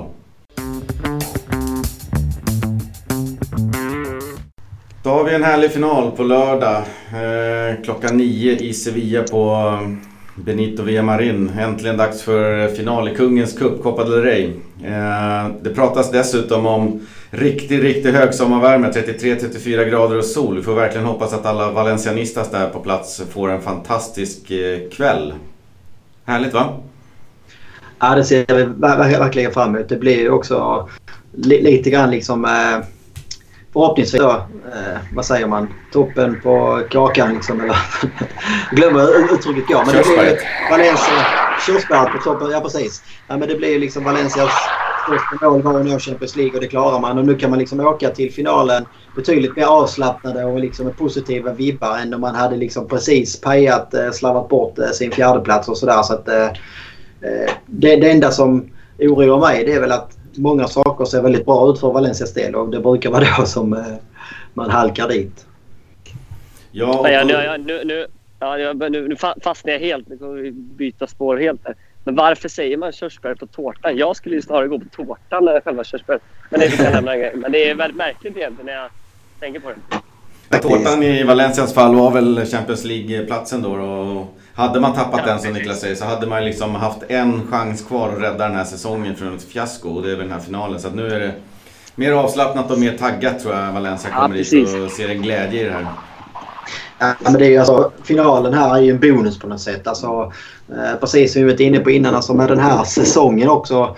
Dels då titeltorka 10 år och det är ganska länge för en klubb som Valencia. Om man kollar liksom 2000-talet så har man ändå prenumererat på, på olika titlar vartannat, var tredje år i alla fall. Eh, man firar 100 år som vi sa. Och ja, jag vet inte. Det känns ju liksom som det skulle ju vara det yppersta beviset på att Valencia är tillbaka på riktigt som vi varit inne på. Alltså man har haft här nu 6, 7, 8 år där man liksom eh, tappat sin, sin plats på något sätt i hierarkin. Och kan man slå Barcelona i en final så vore det ju liksom den perfekta markeringen. Ja, och det är väl just det som krävs också tror jag i alla fall. Att ja att man inte bara tar sig till en final och, åker dit med, med på något sätt hedern i behåll utan att man slår just ett lag som Barcelona. För det, det är ett sånt lag man ska slå för att på något sätt... Men lite som när Atletico Madrid hade, hade torskat typ derbyn 17 år i rad. Men sen så vann man cupfinalen på Bernabéu för första ja. gången på 17 år. Alltså lite den känslan skulle det väl bli för Valencia också. Det har väl inte varit riktigt samma mönster. Men ni förstår vart, vart, vart jag vill komma. Det är, väl, mm. det är väl någonstans jättarna man ska slå för att, eh, för att ta sig dit. Ja, och det blir lite mer legitim titel då. Alltså, annars så vet man hur snacket hade gått. Ja, men ni, ni, ni stötte ju aldrig på någon av de stora på vägen fram till titeln. Liksom. Det, det, det, var, det var ett väldigt speciellt Rey på något sätt. Men nu har man Barcelona i finalen. Eh, och det finns det är liksom ingenting runt omkring att skylla på eller ska trycka det. Så att, eh, vill man vinna en titel så är det de här finalerna som man måste älska att spela. Man får ju dock försvara lite någon av de stora, absolut, eh, när vi tänker historiskt. Men, men som, som säsongen har varit så får man ändå säga att Getafe eh, är ett lag som, som ganska många har haft problem att eh, slå under den här säsongen. Att göra tre mål på Getafe i en match. Jag, jag, vet inte om något annat lag har lyckats med det. Så att, eh, ja, det sant, inte det kanske det klassiska, klassiska storlaget att besegra, men just den här säsongen så har ju verkligen Getafe varit en tuff nöt för väldigt många. Framförallt där och då så var de ju väldigt... Alltså, eh, slutet av säsongen så tog väl kanske bensinen sakta men säkert lite grann slut. Men eh, fram, jag vet att då när Valencia gjorde tre mål i den kvartsfinalen så hade man ju aldrig släppt in tre mål den säsongen innan. Så att det är ju...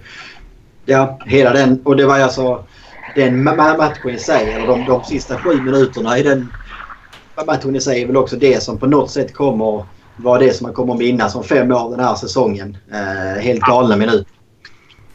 Verkligen. Kikar vi lite på förutsättningarna där så i Valencia så är, är det väl endast Cheryshev som saknas och sen Kangin Lidor som är iväg med Sydkorea. Eh, Garay läste jag idag måndag inte riktigt där i full träning. Han är ute med laget på gräs men eh, har klivit av lite grann. Eh, men hoppas väl på att kliva in fullt ut eh, vad veckan lider. Eh, och Barca har väl flera pjäser som är osäkra. Suarez, Dembélé, Coutinho, Ter Stegen. Eh, tyvärr inte Messi då. Ter Stegen hade väl inte spelat ändå eftersom att det är cupen. Sillisen stod ju senast den också. Mm. Så att där är väl eh, han, framtida Valencia-målvakten då kanske. Vi får se. Ja, precis. Eh, men han, han, han kommer ju spela såklart. Eh, och sen är det ju några frågetecken. Men det är framförallt Luis Suarez som är det tunga ja. avbräcket för både Coutinho och Dembélé. Det är klart, skulle alla tre vara på skadelistan? Nej, det är klart att det, det, det är inget positivt. Det är i grund och botten högkvalitativa spelare, men, men två av dem har ju haft ganska sviktande form här under våren. Suarez är ju det tunga, tunga tappet. Nu känns det...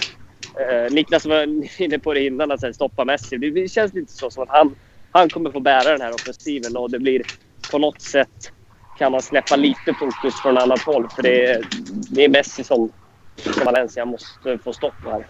Valencia har haft eh, Barcelona på kroken tycker jag i båda matcherna hittills i år. Men det är Messi som har lirkat loss dem eh, och bärgat kryssen. Till slut. Ja men det är lite så. Vi spelade 2-2 på Nou Camp. Då hade vi 2-0 i paus efter kanske de bästa 45 minuterna den här säsongen.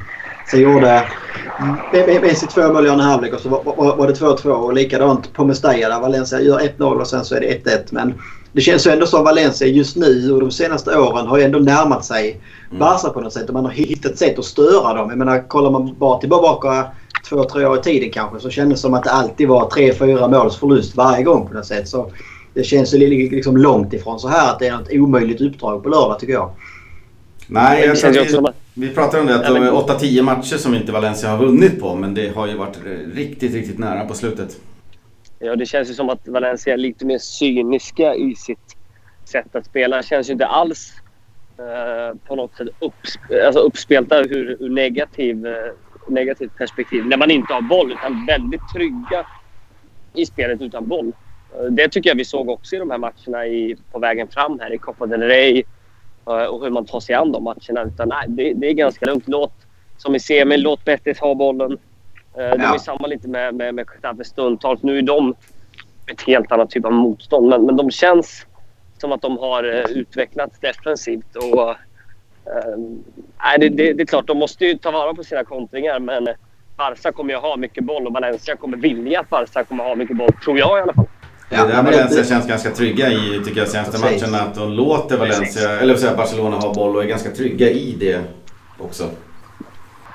Nej, det har väl varit, alltså det känns som Valencia har ju ofta funkat bättre när man möter ett lag som vill spela på något sätt. Eh, när man liksom möter ett lag som öppnar upp sig bakåt då får man ju möjligheten att, att liksom göra sina spel, spelvändningar och omställningsspelet med då en snabb Guedes Rodrigo eller vilka det är som kommer att starta där, där framme.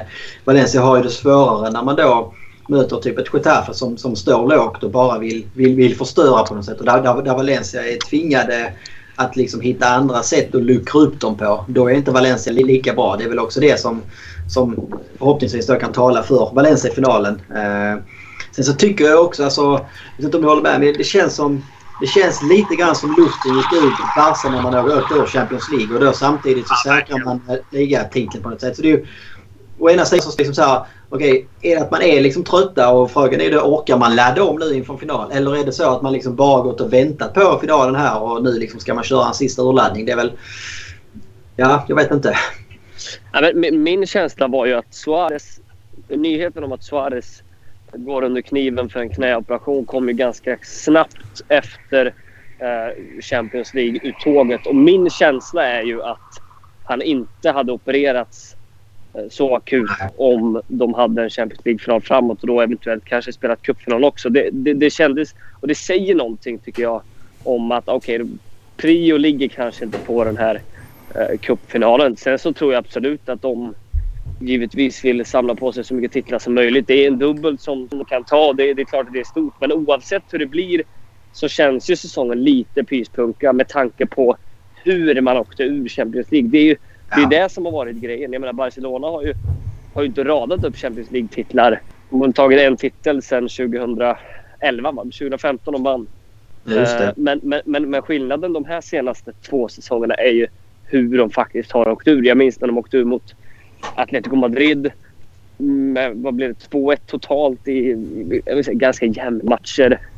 Det, det, det, var på ett annat sätt någonstans. De kunde, de kunde acceptera det ja. på ett annorlunda vis än att menar, ha en 3-4-0 ledning och tappa det på bortaplan. Det total ja. kollaps. Ja. Uh, och, och, Det är därför det känns som att uh, det, det kommer vara lite bitter eftersmak oavsett hur det här slutar. Skulle Barca vinna med 5-0. Ja, men det är ingen som kommer prata om det utan de kommer prata om att Barca torskade och inte var bäst när det gällde mot Liverpool ändå. Ja, jag håller med. Och det är väl också det som känns... Jag läste också här i dagarna att då, klubben har gått ut och sagt att man kommer inte fira en eventuell Copa med något offentligt firande. Så utan, eh, man stänger ner säsongen direkt efter finalen. Eh, och det säger väl... Man, man, kan säga så att det kommer inte vara samma sak i Valencia. Utan där kommer det både firas rejält och länge om man skulle få en titel igen. Och det, det säger väl också lite grann liksom om vad den här finalen betyder. Hur, hur, hur, olika den betyder för de olika klubbarna. Och det är väl, ja. det är väl bara att hoppas att det också liksom syns nere på planen. Eh, för att det är ju, alltså på denna nivån är det ju ändå så pass jämnt att är det liksom är 11 spelare i ena laget 2% mer taggade än de i det andra laget så räcker det. Alltså, visst att om man har liksom en Leo Messi som kan ha en helt uh, fantastisk dag han har det och kan ju egentligen avgöra en sån här final själv. Uh, men jag hoppas väl ändå liksom att det är det är på något sätt liksom viljan som liksom ska bära avgörandet på något sätt. Men det är också, man snackar mycket och ska med all rätt prata om det här kollektivet Valencia. Men, men jag tycker, tittar man på offensiva spelare i ja, hela La Liga egentligen så tycker jag att egentligen bara Messi har högre toppar än vad Gonzalo Guedes har när han är som bäst. Alltså det, ja. det, han, han, har ju en helt, de har ju en helt sinnessjuk X-faktor i honom när han är bra. Nu mot Valladolid senast, nej men då var han ju inte vän med någonting. Jag menar, det, han har ju också sådana dagar där, där det, det är någonting som inte stämmer. Det känns som att han inte riktigt är synkad på planen. Att han, jag vet inte, han... Det, det är märkligt. Men de dagarna det väl stämmer så... Jag menar, då, då kommer han ju skapa en fyra, fem riktigt bra möjligheter. Antingen för sig själv eller för andra. Mm. Och har han en sån dag, Nej, men alltså, då, då gäller det ju för Valencia att sätta dit dem. Då har de ju alla möjligheter att vinna en sån här match. Och det krävs nästan att eh, Guedes har en sån dag och är med och hotar och med och stökar där framme så att Barcelona inte känner sig alltför bekväma i, i sitt spel utan måste, måste ta lite hänsyn till en Guedes eh, utöver de andra spelarna som också förhoppningsvis Soler på sin kant och sådär. Men har du en blek dag på Guedes så får ju Barca en ganska mycket, mycket bekvämare resa i alla fall. Ja, för Guedes ja, del så är det liksom alltså, Det är ju denna typen av matcher och liksom stora finaler. Det, det, det är det som ofta definierar storspelare. Alltså det är att du kliver fram när det gäller som mest på något sätt. Så för hans del så är det också jäkla... Alltså hoppas att han ser det som en jäkla möjlighet på något sätt. Och det hoppas jag att många Valencia-spelare gör. För att Valencia vinner inte så jävla många titlar. Så säg att du går in och gör två mål i en final och liksom blir matchvinnare. Du, du kommer ju vara liksom en legend i Valencia och kommer liksom vara i historieböckerna. Och för en spelare som Guedes del så kan det ju vara sådana saker som i slutändan kanske är lite så här karriäravgörande. Men han gjorde de målen där och det var det liksom. Så fick han att ta det här sista steget på något sätt. Alltså det är ju, det är ju den här typen av matcher som du måste kliva fram om du vill liksom vara, vara med där uppe. Ja, verkligen. Ja, jag är helt enig. Helt enig. Vi kan väl kika lite grann på tänkbara startelvor. Om eh, Niklas eh, kikar i Valencias spåkula så kan väl Adam kolla vad du ser i din Barcelona-kula. Om vi börjar med Niklas då. Ja, men det verkar vara ganska så klart att eh, Jaume kommer starta i mål istället för Netto. Han har ju varit Copa del Rey. Fan vad man gillar honom alltså. Ja, nej men det känns fint och vi har varit inne på det många gånger också. Att han är liksom det är ju ingen som har större hjärta för Valencia än eh, Jaume har. Nu har han också fått chansen att stå i de två sista ligaomgångarna här. Så att han är ju, har ju liksom blivit lite varm i kläderna. Han hade ju någon kopparmatch där i början de första omgångarna när han liksom suttit på bänken i hela hösten och sen skulle han kastas in och släppt in några enkla mål där. Men nu har han ändå fått två ligamatcher här. Eh, höll ju nollan mot Valladolid och släppte in ett då mot eh, Alaves. Eh, så det, jag tycker ändå det, det känns tryggt och det känns som han liksom har bra form nu. Så jag Ja, jag tror att det kommer bli bra där bak. Och det är någon man unnar liksom att få vara på planen om man väl skulle vinna en titel så är det ju, så är det ju Jaume såklart. Eh, backlinjen är väl lite lurigare då kanske. Eh, jag går ändå på att Vass startar som högerback. Det känns som att Marcelin har använt Vass när det liksom är någon match där han liksom känner att han, han vill ha folk han litar på på något sätt. Och konstigt nog kanske så tycker han att Vass är en bättre försvarsspelare än Puccini. Eh, mittbacksparet ja, mesta lite åt att det är Garay och Gabriel som har liksom, de, de, det är också de som har spelat när det varit någon sån här stormatch. Eh, Diakabi inte riktigt, han har, han har topparna men han har inte riktigt jämnheten på något sätt. Så att jag, jag tror att det blir, blir så. Och Gaia är given till vänster. Mittfältet känns också ganska givet skulle jag säga. Eh, Carlos Soler, Parejo, Coquelin och Guedes kommer nog bli det fyramanna mittfältet vi ser från start i alla fall. Eh, och längst fram så är väl Rodrigo, även om han liksom inte är het så känns han ändå som den första anfallaren som Marcelino plitar ner just nu. Och jag tror att han och Gamero kommer starta faktiskt. Det är alltså den mest... Okej, okay, om vi bortser från skadesituationen då. Att Garay eventuellt kommer få lira på sprutor och, och det blir lite kamp mot klockan då. Men, men är han spelklar så startar han. Ja. Det, det, kan vi väl komma överens om. Men, men annars den, där det liksom finns någon form av konkurrens är ju anfallsplatsen bredvid, eh, Rodrigo. För jag menar, Santemina ja. sprattlar ju till ibland. Och nu, ja, har ja. nu har han ju tryckt in en del poäng här på slutet och gjorde ju, jag menar, assisterade senast. Ja, jag vet inte. Gamiro är dock van att spela finaler och gör ju typ alltid mål i finalerna. Även om han kan se jävligt dålig ut emellanåt. Så ja, där blir det huvudbry för Marcelino. Jag tror ändå han går på det. Det är det du är inne på. Alltså just rutinen från att spela finaler. Och Gamero är så smart spelare så jag tror han vill ha han från start. Alltså, det känns också som Santimina liksom med den energin han har. På något sätt så är det... Är han en bättre inhoppare än Gamero också på något vis. Och då är det bättre att starta med Gamero. Sen, och kommer han säkert inte orka en hel match eh, beroende på hur det ser ut så kanske det är, det är någon annan typ av spelare som kommer in då. Men det, det känns ändå skönt som du är inne på att man har liksom tre anfallare som har lite olika register som när de har en bra dag så kan vem av dem göra mål. Sen är det ju ingen av dem som har liksom varit så pass jämna eller stabila över säsongen. Så det är bara att hoppas att en eller två av dem i alla fall eh, har en, en sån där dag när man liksom eh, är på rätt ställe på rätt tid och hela den biten. Någonting som ändå har funkat mm. helt okej okay här på vårkanten i de få gånger man testat är ju en eh, Geders på topp. Finns inga sådana tankar? Ja, alltså det är väl inte helt omöjligt. Det är väl egentligen bara frågan då vem, vem man skulle kasta in i mittfältet. Alltså, det enda jag i så fall ser det är väl att, att det blir någon slags 4-2-3-1 eller 4-5-1 kanske med. Du kastar in, eh, säg att du, du slänger ut en Gamero så kastar du in en Kondogbia. Så kör du tre man i mittfält och så har du då Guedes och eh, Soler på kanterna. Uh, jag vet inte om. Det skulle liksom, kunna bli en form av 4-3-3 liksom. Precis. Är spjutspets då. Ja. Men det Men... känns lite fegt också på något sätt. Ja, och jag hoppas att... Alltså, för det problemet var ju...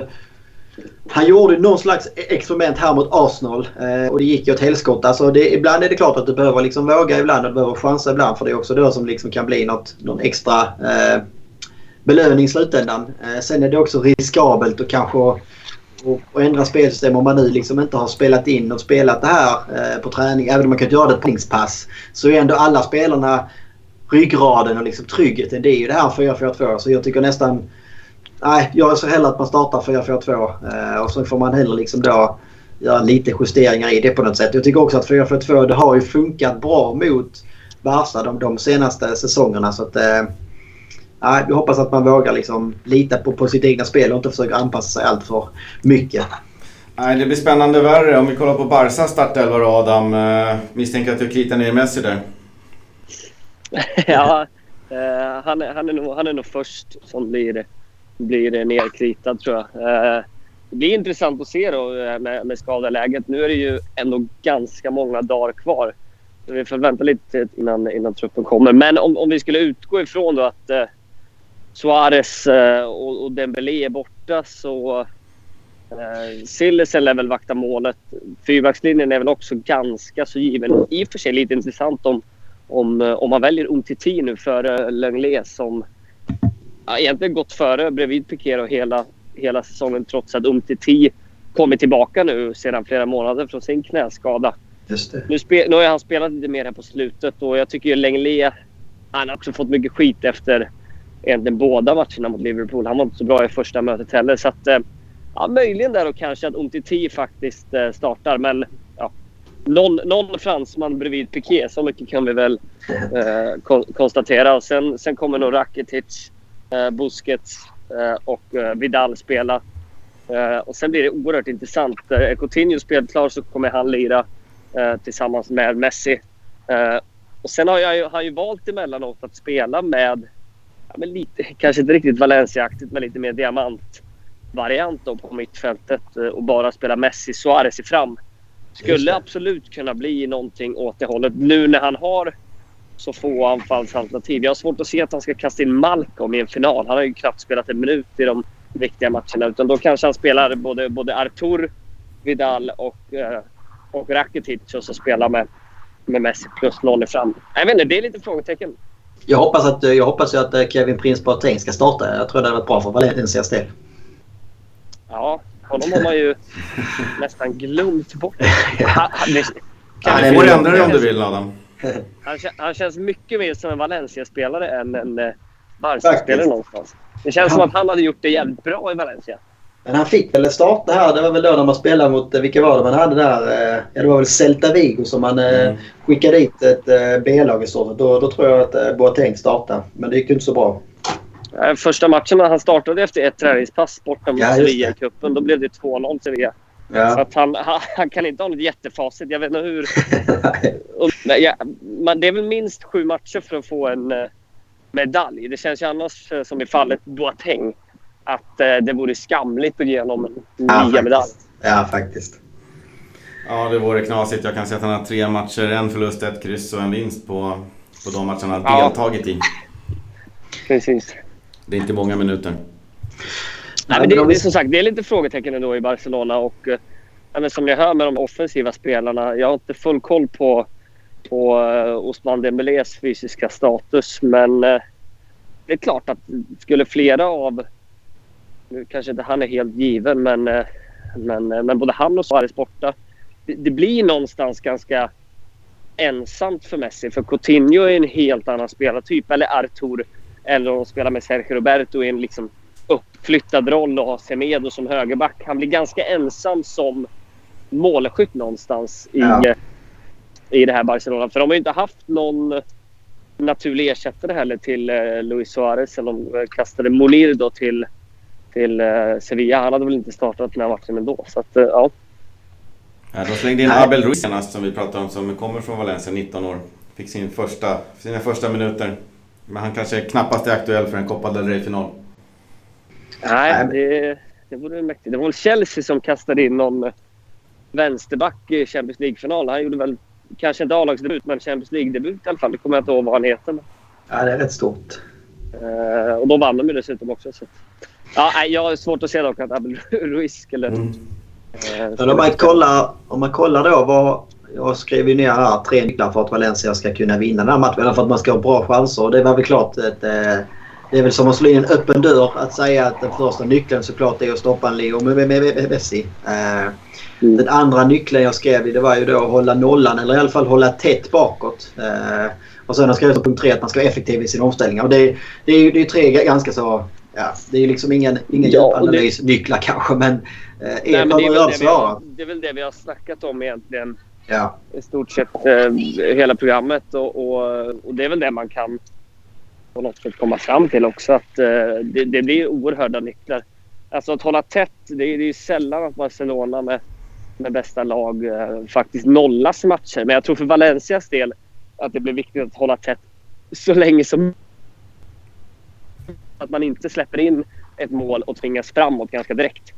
Om man jämför då med, med Arsenal-dubbelmötet så kändes det som att lite grann det, det som förstörde för Valencia där, i alla fall en väldigt kort ytlig analys, var ju precis det. Att Valencia fick ett tidigt mål men sen så liksom kunde Arsenal kvittera alldeles för snabbt och då behövde Valencia gå framåt. Valencia är ju ofta som bäst om man liksom bara kan ligga tryggt i sin defensiva liksom grunduppställning och liksom pressa och följa med och flytta runt och sen pang slå till i omställningarna på något sätt. Så ju längre Valencia liksom kan hålla nollan bakåt så vet man att Valencia har ju haft ganska så, ska inte säga enkelt, men man har ställt till oreda för Barca i sitt omställningsspel och liksom i när man har de här anfallsspelarna som man har med, med Guedes och Rodrigo som är liksom löpstarka så är det ännu viktigare tror jag liksom att eh, hitta balansen där på något vis. Ja, någonstans har ju Valencias problem varit att man har gjort eh, 1-0 i båda mötena mot Barcelona i år. Eh, relativt tidigt och i andra matchen även 2-0.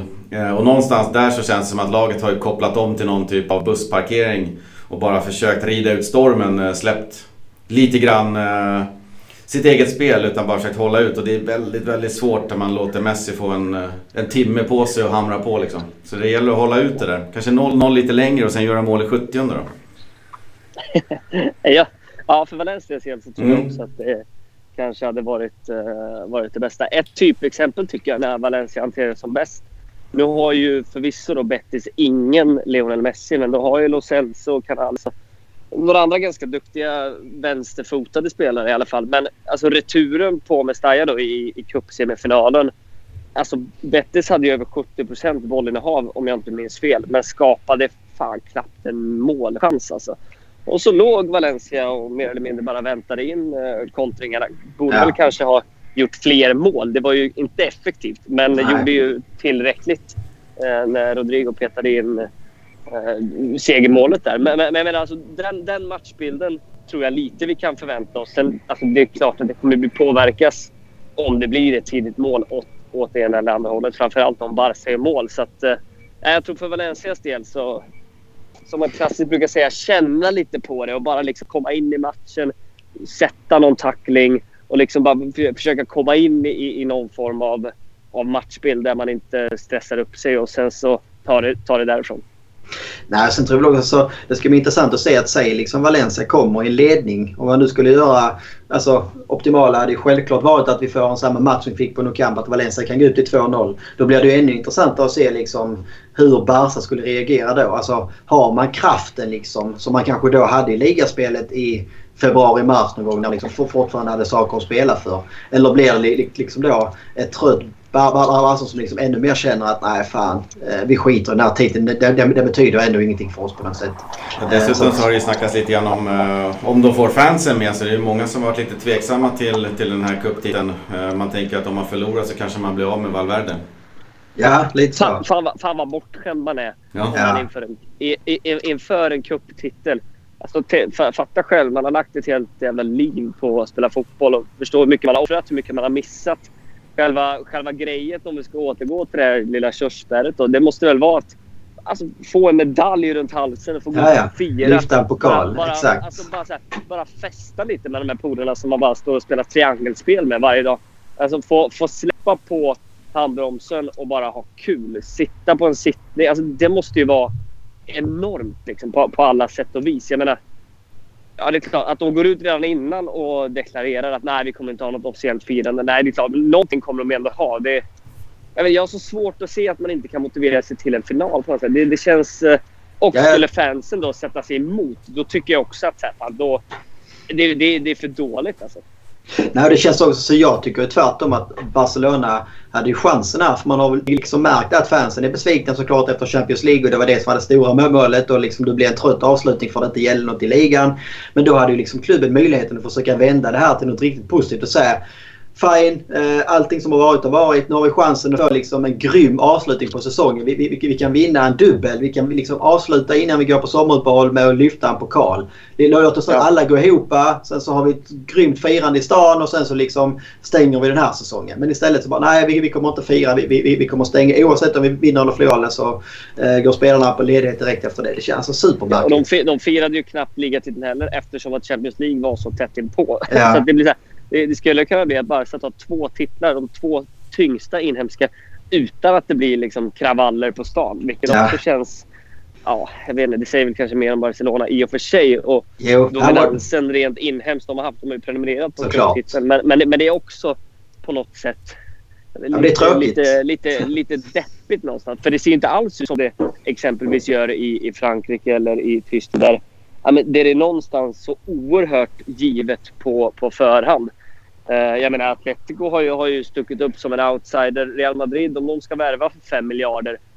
Det är klart att de ska kunna vara med och utmana om precis varenda titel. Det, det, det är liksom egentligen inte den dominansen. Så att uh, man kan tycka Nej. att man borde ta varje tillfälle och, och fira när det går bra. Ja, det är det, alltså det, är det jag tycker är lite tråkigt. Det är ju att just, att just Barcelona liksom har den inställningen till finalen. Där nästan Eh, Eh, om vi nu bara ska ponera eh, utan att jinxa någonting att Valencia förlorar så hade man nästan hellre då förlorat mot säg Betis som man vet hade uppskattat det och som hade liksom firat livet av sig för man vinner en titel. Nu vet man att liksom, det, det blir nästan så här dubbel sorg att förlora en final om man vet att de andra ändå inte riktigt bryr sig. Och när man då själv skulle liksom ja, fira järnet av den jävla titeln. Och det säger ju en del om hur mycket det svider de här äh, tre raka Champions League-vinsterna för Real i Barsas ögon. När det nästan känns det att stirra blinda på liksom. Äh, när man inte firar Exakt. alls. Ja. Alltså det, det, det är ju om vi ska vara helt ärliga, hävdar jag ändå någonstans så är det ju svårare att vinna en La Liga-titel över 38 omgångar än att vinna en Champions League-titel. För är man som spanskt lag egentligen, nu vet jag att Valencia åker men, men, eh, men man, man, man, ska i alla fall ta sig vidare till ett slutspel i, ja. Champions League. Och heter man Barcelona, Atletico Real så har man också en seed där man har enklare grupper. Så det är mer eller mindre ett transportsträcka. Ska vara i alla fall. Det är klart det kan det har med lotten att göra, jag vet. Men, men det ska vara. Och då är det helt plötsligt bara sju matcher som man ska på något sätt prestera bra i. Ja, och egentligen eh. ibland kan det räcka du gör det hälften av dem. Alltså gör du en bra match ja. där och så en halvbra så är, är du vidare kanske. Jag kollar på den här säsongen, liksom, hur den har varit. Liksom. Atletico slår Juventus. Eh, otrolig prestation hemma. Kollapsar borta. Ja. Samma sak med Barcelona. Vi såg ju samma sak med såg Dortmund. Vi såg City torskade mot Lyon i får gruppspelet. Vad har vi mer för vändning? Vi har någon annan vändning som jag helt glömmer bort. Ja, Tottenham hade väl mot ja, men, ja, men eh, Tottenham såklart. Ja. Alltså, det är kanske det sjukaste man har, man har, man har beskådat. Så, nej, jag menar, det, det, det är klart, det går att göra... I Tottenhams fall går det att vara dåliga i semifinal i tre halvlekar ändå vinna. Så att, ja, det är eh, ganska sjukt. Ja. Nej, jag håller med. Spelare. Ja. ja. Nej, men det, nu ska jag inte kasta någon skit på, på Real Madrid. Vinna tre i rad är ju helt ja. enormt, såklart. såklart. Absolut. Eh, men jag, jag, du har en poäng där. Att, att det känns lite som att Barca det, det har stuckit dem i ögonen mer än vad de har uppskattat sin egen framgång. Ändå. Ja. Ja, så är det. Tiden rinner iväg också när vi har kul. Varro är hur glad som helst nu med avsnitten som blir hur långa som helst. Eh, men jag tänkte, ska vi kika lite på vad vi tror om finalen? Man kanske inte behöver klämma ur sig något slutresultat, men om vi börjar med lite Niklas där. Vad tror du om utgången och utfallet? Jag tror det kommer bli en riktigt bra utgång faktiskt i Sevilla på lördag kväll eh, när vi firar titeln. Det är allt jag. Ja, vad bra. ja, jag, jag, tror faktiskt likadant. Jag tror att Valencia motivation eh, slår väl klass den här lördagen hoppas jag. Med fansen helt galna och man kröner den här äh, sagan med 100-årsjubileum med en titel. Och jag säger 2-0. Vi nollar, äh, vi gör mål framåt och äh, vi är effektiva i omställningen. Gedes petar in en och Parejo en. Du får dina nycklar där Niklas. Ja, perfekt.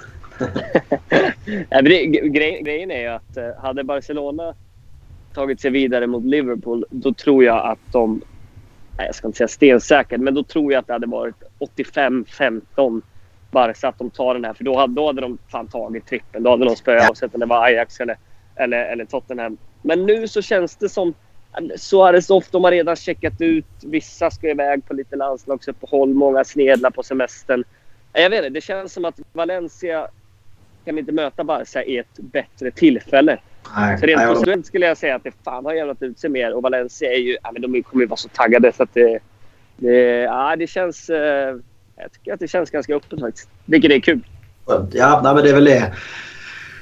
Ja, nu, nu ska man inte säga så att eh, det enda vi hoppas på är att det blir en bra och rolig final. För egentligen kan jag säga att jag skiter i det. Jag gör så gärna att det är en pisstråkig final och att det blir 1-0 till Valencia. Då blir jag skitglad. Men eh, man vill ju ändå liksom... Eh, också för att, som, som vi var inne på innan, att det ska vara lite eh, legitimitet i titeln på något sätt. Så ser man gärna att det blir en riktigt bra final och där Valencia liksom ändå kan liksom väga över på, på, på något sätt. Att det, det är Valencia som är bra. Det är därför som man vinner titeln. Att man vill ju inte ha snacket efteråt att nej, men Barcelona de var så jävla trötta. De var ju checkade ut efter Champions League och finalen var, var de liksom inte alls med från början. Så att jag hoppas ändå att de liksom möter upp och att det blir en sjukt bra match.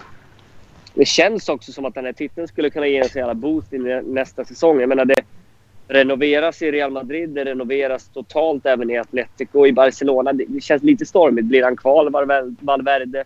Eh, många spelare som, som eh, börjar gå in på kanske inte sista, sista våren, men många spelare som är lite ålderstigna i alla fall. Det känns som att det är ganska bra läge att bygga vidare på någonting och lite kontinuitet om man ska vara med och nosa där uppe också. En ja. titel hade ju gett en sinnessjuk boost såklart.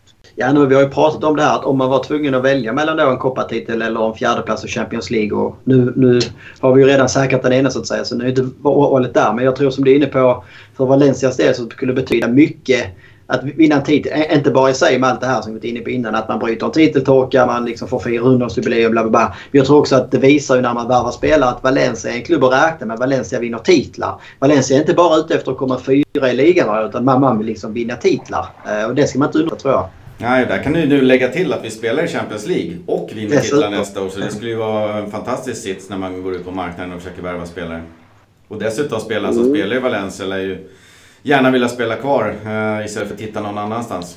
Ja, men det är lite så. Ja. Jag tror att det, det, det blir många liksom, uh, ringar på vattnet av vinna titlar. Uh, både liksom inom klubben och att även liksom utåt sett att, att man ser att nej, men Valencia, det här projektet man liksom har startat år sedan och håller på att bygga vidare på. Det, det funkar på något sätt. Ja, verkligen. Eh, nu har vi nu hållit på i en och en halv timme i detta avsnitt 75 och det har varit en ynnest att ha med dig Adam. Tack för att du ställde upp. Ja, stort tack. Ja, men kul, och, kul att vara med. 75 avsnitt. Jag har inte hört alla, men jag har hört många. Fan, det kändes som att det var nyss ni drog igång. Alltså, det, ja, jag håller med. Ni har, ni, har, ni har spelat in fler poddar än vad Valencia lirat matcher kan man säga. ja, ja, vi har väl sagt det, har väl snart sagt det 75 gånger också på säga. Men det är från början så var man lite osäker på om man skulle liksom hitta grejer och surra Valencia om varje vecka. Liksom då i en timme ungefär. Men, eh, 75 gånger har det gått bra. Får vi se hur länge till vi liksom orkar sitta här. Ja, det känns att det blir längre och längre varje gång också. Man har ju alldeles för mycket att prata om. Så att, eh, Lite så. Och det är fantastiskt kul. Så vi får väl se. Om du har tid och lust någon gång så får du gärna vara med. Och varför inte snacka upp en uh, säsong uh, i augusti eller någonting. Uh, när du har börjat ladda upp inför dina kommenteringar på Strive.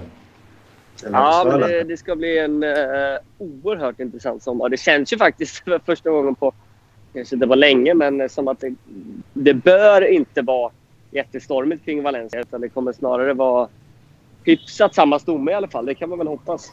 Ja, nej, men det är faktiskt skönt, precis som du är inne på. Framförallt så känns det ännu bättre nu när man då säkrar Champions League. Att man, behöver inte, man är inte lika tvingade. Och, alltså, hade man bommat Champions League så är det inte omöjligt att man hade varit tvingad att sälja kanske två, tre spelare som inte vill sälja så att säga. Nu känns det som att nu kan man mer välja att sälja de spelarna som man man har råd att bli av med så att säga. Eh, och behålla då, då, man vill och, och krydda laget istället för att försöka hitta budgetlösningar. Om nu inte det här transferförbudet eh, träder i kraft i sommar. Tänkte eh, om nu Valencia får värva. Däremot så tror jag att någonting som kommer att storma så är det nog transferfönstret när Real lägger en plånbok på bordet som innehåller fem stycken miljardlappar. Så ger ju det ringa på vattnet till andra klubbar som blir av med spelare måste värva och någonstans där lite längre ner i hierarkin så kan det nog lossna ett par spelare som Valencia kanske får lägga vantarna på på ett annat sätt än om eh, transferfönstret är helt statiskt. Ja, som jag sa, Raúl de Tomas spelar i Valencia nästa säsong och det känns som en match made in heaven. Ja, vi ska nog ta med oss den faktiskt. Jag tror att ju mer man suger på den desto mer spännande tycker jag det känns. Det har också snackats en del om Borja Iglesias i Espanyol. Nu säkrar de Europaspelare också så att det kanske blir svårare. Samtidigt Det var ju debutsäsong i ligan. Jag tror att jag landade på 17-18 mål så att han har också haft en fantastisk säsong där också. Smugit lite under radarn. Eh, och det är väl den typen av värvningar som jag gärna ser att Valencia gör. Nu slänger jag ut en liten uh, spaning som jag gjorde precis innan podden. Att vinnaren i Copa del Rey blir belönad med en Europa League-plats. Så fint så. Uh, men den brinner väl inne. Vet vi var den hamnar? Det var den som Espanyol ja, det, det, var den. det är ja. den som Espanyol får, exakt. Ja. Då får de vara glada åt det då. Det, det, det vore ju mäktigt någon gång om man, om man spelade onsdagar Champions League och torsdagar Europa League. Bara för att liksom kasta in reserverna i Europa Ja, precis. För att en gång skull för alla slå det där rekordet på 62 matcher. Ja, precis. ja, ja, vi får se. Ja, men då så. Vi tackar väl eh, hemskt mycket för Adams deltagande. Och så rundar vi av med ett hasta luego. Hasta luego. Hasta luego.